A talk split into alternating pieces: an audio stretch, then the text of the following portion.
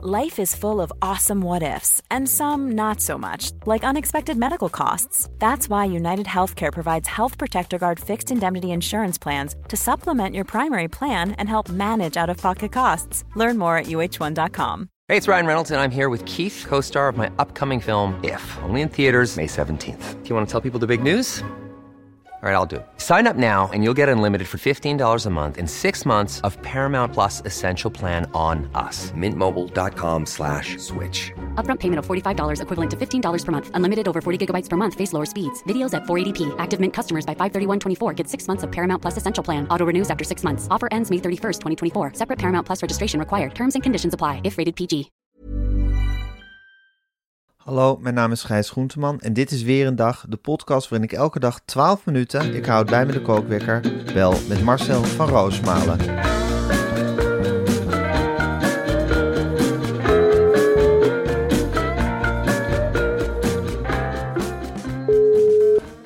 Goedemorgen Marcel. Goedemorgen Gijs, met Geert Mak. Ik heb eventjes een minuutje gestolen van jouw maat Marcel van Roosmalen. Je zult het eh, niet geloven, maar ik zit eh, bij Kharkov op dit moment. Ik ben op... Niet in Jorwert? Nee, ik zit echt in Kharkov. Ik ben na het programma M opgehaald door een eh, vliegmachine van Gazprom. Om achter de linies te mogen kijken van het grote Europese conflict. En ik zit als een fly on the wall eigenlijk een paar dagen op de bagagedrager bij Olaf Koens. De bedoeling is dat ik straks de trein ga nemen van Kharkov naar Odessa, de legendarische plaats Odessa, waar Churchill destijds met Stalin en Roosevelt de contouren heeft getekend van het moderne Europa in 46 of 45. En rondom de Russische beer is toen een lijn getrokken. En dat noemen wij het ijzeren gordijn. Nou, uh, ik kan je wel vertellen. Olaf ben ik al de halve dag kwijt. Die loopt hier tussen de linies van de Oekraïners naar uh, Russen. Heeft de hele beet.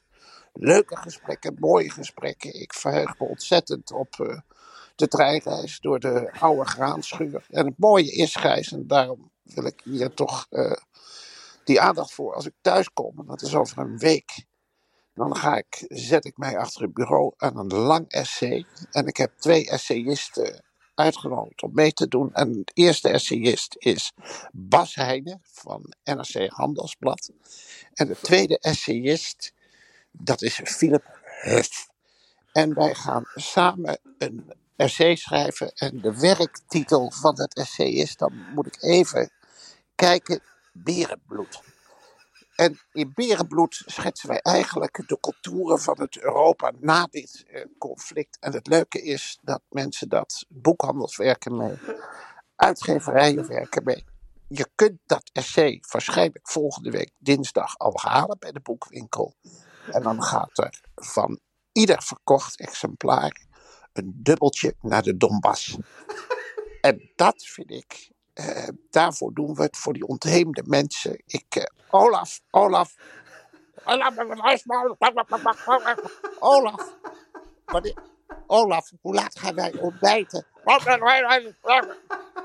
Nou, je hoort het, Olaf. Uh, die slaat hier spijkers met koppen. Die, is nou weer een schuilkelder in.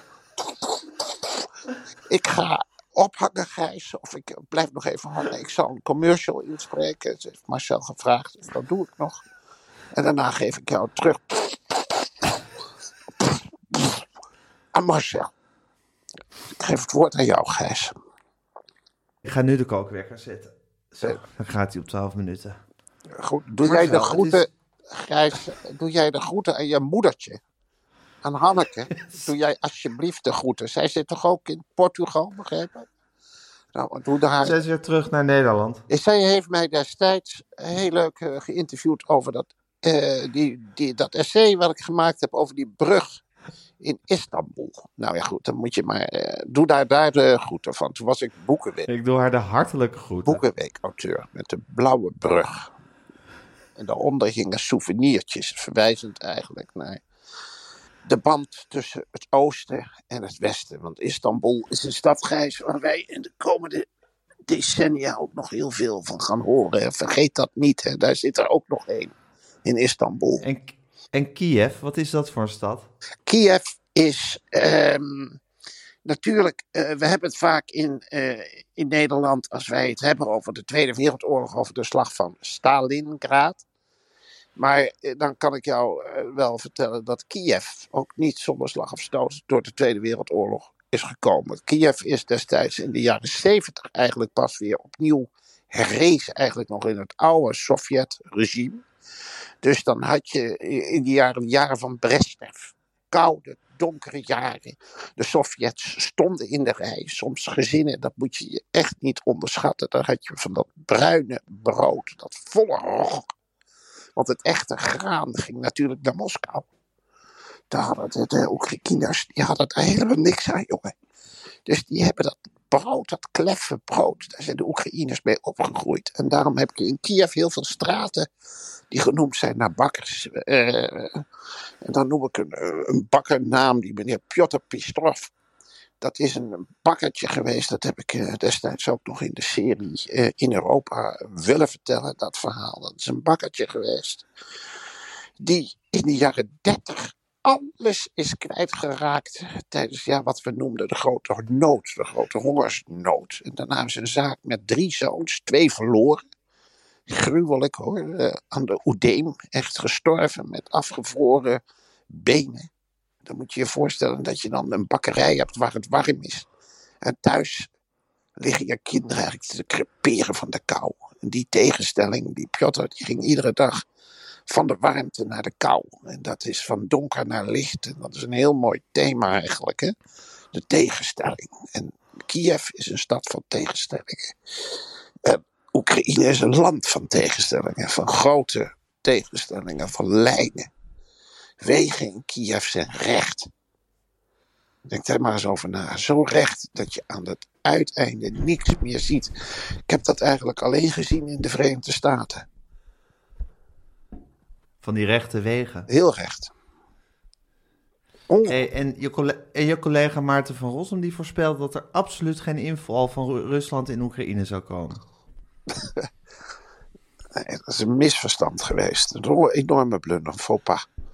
Ja, met Marcel. Ja, ik, ik val maar even. Ja, ik hou dit Ik, niet weet, meer- ik, hou het wist niet niet wanneer je van plan was ooit toch uit Geert Ja, te komen. je- Ja, ik denk, ik ga maar door, want je, je houdt er niet mee op.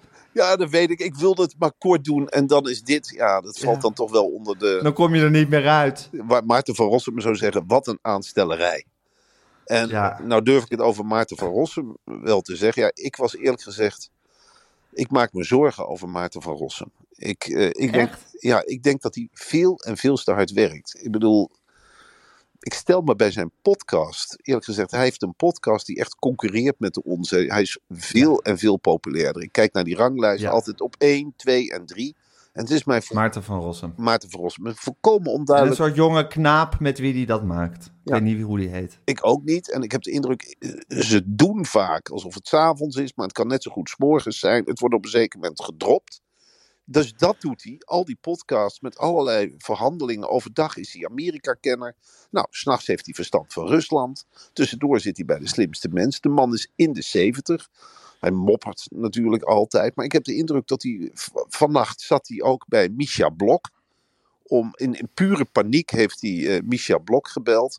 En hij geeft vanavond uitleg over zijn. gaf vannacht uitleg over zijn blunder bij op 1. Omdat hij daar heeft aangekondigd dat er. Eergisteren heeft hij gezegd. één ding gaat er niet gebeuren. Poetin gaat Oekraïne niet aanvallen. En dat zei hij vrij stellig, zoals hij alles stellig stelt. Ja. En ja, ik vind dat toch. eh, Het heeft zijn geloofwaardigheid niet per se goed gedaan. Nee, en ik, ik stel me dan helemaal voor hoe Maarten van Rossum dan daarna is, na zo'n blunder. Dat lijkt me geen man die dan rustig gaat slapen. Ik denk dat die, die gekke broer en die zus wel heeft gebeld om eh, het er even over te hebben hoe hij dit kan rechtzetten. En het antwoord daarop was dus Misha Blok. Misha Blok bellen. Misha Blok bellen. Misha Blok, bij wie wij overigens vrijdag morgen nacht aan de beurt zijn. En wij worden afgekraakt, heeft ze mij al gezegd. Onze podcast wordt afgemaakt door Vincent Bijlo, die het te commercieel Ja. vindt, en Marianne Zwageman.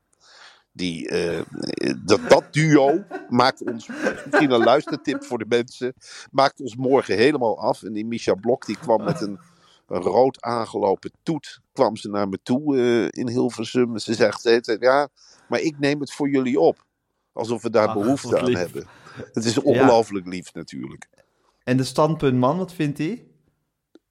Dat weet ik niet. Ik Die denk, zit er ook altijd bij. oh, nou goed, dan ben ik meestal wel uitgeschakeld. Want na Vincent Bijlo, mijn Hoef broer, je niet zo nodig meer. nee, mijn broer heeft ook een enorme hekel aan Vincent Bijlo. Echt waar? Ja, omdat hij blind is. Mijn broer is blind eh, voor het grootste deel. En die vindt Vincent Ja. Bijlo geen reclame voor blinden. Ja, ik weet niet wat het, waarom dat is. Maar enorme afkeer. Maakt van zijn handicap zijn humor. En eh, dat mag niet. En hij mag het zeggen. Want zelf... Maar wacht even, Maarten van Rossum zit bij Misha Blok en jij maakt je zorgen over Maarten van Rossum. Ik maak Je me- vindt dat hij te hard werkt. Dit doet me overigens denken aan het verwijt, Marcel, dat jij ook wel eens krijgt. Van je bent, je bent te veel overal. Ja. En er is bijna niks waar je jou bozer mee kan krijgen dan door dat tegen jou te zeggen. Ach Gijs, dat is toch hetzelfde als tegen jou zeggen van je doet te veel podcast. Want dat zeggen mensen ook tegen me. Hè? Weer een ja, maar dan word podcast. ik, ik, word er niet, ik word er niet boos over. Ja, ik word er wel boos over, omdat ik dan altijd Ja. denk van, oh, ze willen mijn werk afpakken. Of eh, eh, dan, ja, ik vind het ook heel moeilijk om met dingen Ja, te moet het dan wat minder allemaal? Oh, van jou moet het minder? Ik vind mezelf Nee helemaal dat, va- niet. dat, nee, dat zeg ik niet, maar dat Nee, denk maar dan word ik dan. dus Oh, het weer moet, boos. Het moet dus minder, ja precies. Nou word ik dus weer boos, Gijs. Je kaart alleen Ja. maar aan. Eh, Dat is dat Ja, maar- in mij. Ja, dan voel ik me gelijk aangevallen. Als ik dat best lijkt- zie, dat dan ga ik slaan. Dat, dat, dat lijkt een beetje op wat jij Maarten van Rossum verwijt. Of verwijt, waar je, waar je, waar je, je, je, je verpakt je verwijt in zorgen over Maarten van Rossum. Nou, je hebt me helemaal klem gezet, Gijs. Dat klopt. Ik maak, eh, je hebt me klem. Ik heb niks meer te zeggen. Eh, ik, dan signaleer ik het. Ik, ma ik maak me zorgen over Maarten van Rossum, omdat ik ook van de man geniet. Ach, wat, zou het, wat is het toch altijd heerlijke televisie als hij met die olijke familie door een of ander Bergen-Belzen, nou sorry, Baden-Baden loopt. En dan heerlijk eh, begint over geveltjes. En dan weet hij weer er waren dichter. En dan beginnen ze met elkaar eh, te mopperen. Nou ja, dat, dat mis ik dan. Als Maarten van Rossum ooit wegvalt. Omdat hij te veel doet. En daar ben ik wel eens bang voor. Waar die, waar die zou moeten schrappen, wat mij betreft, is in de slimste mens. Want daar ben ik me wel eigenlijk een beetje zat. Hallo, Gijs?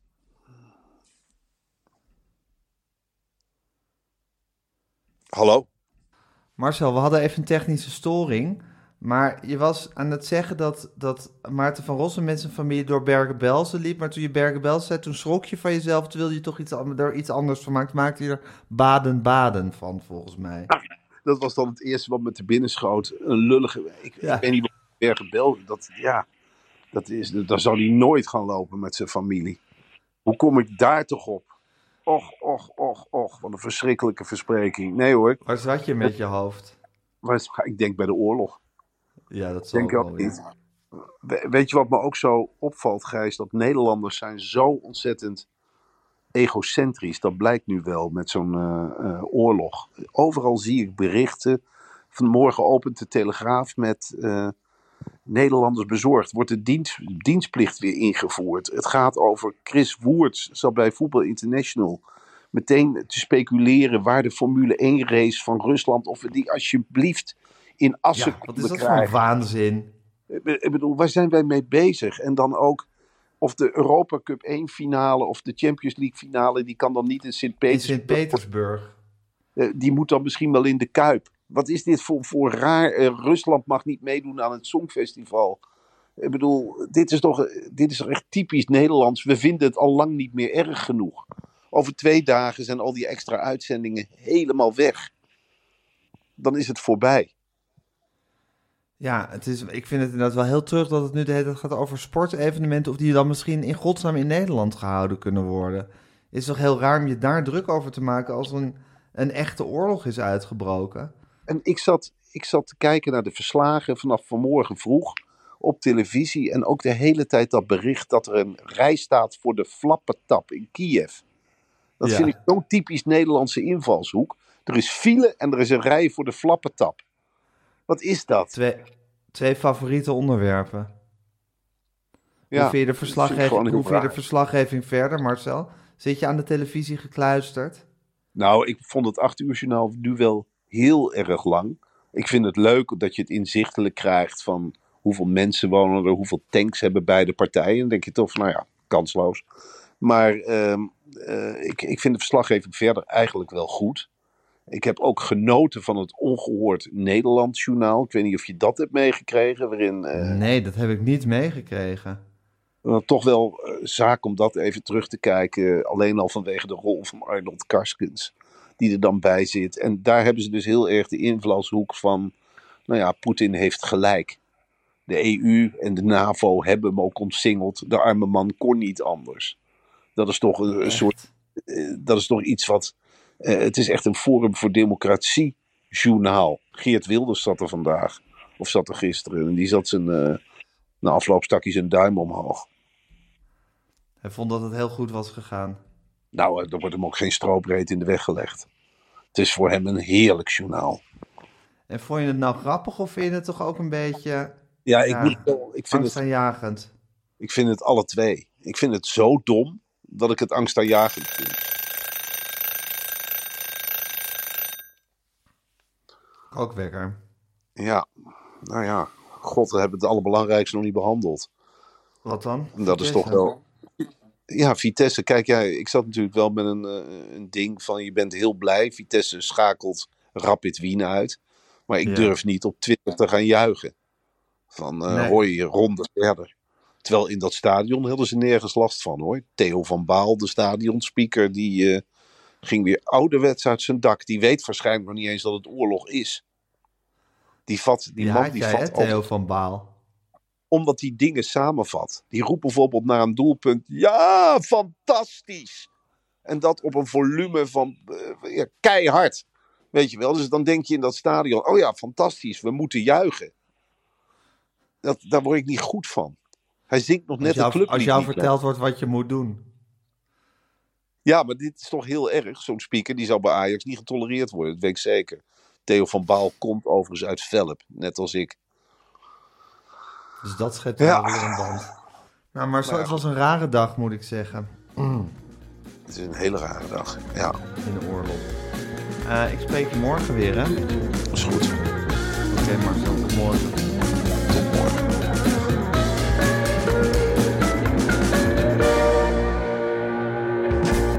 Dit was een podcast van Meer van Dit. Wil je adverteren in deze podcast? Stuur dan een mailtje naar info.meervandit.nl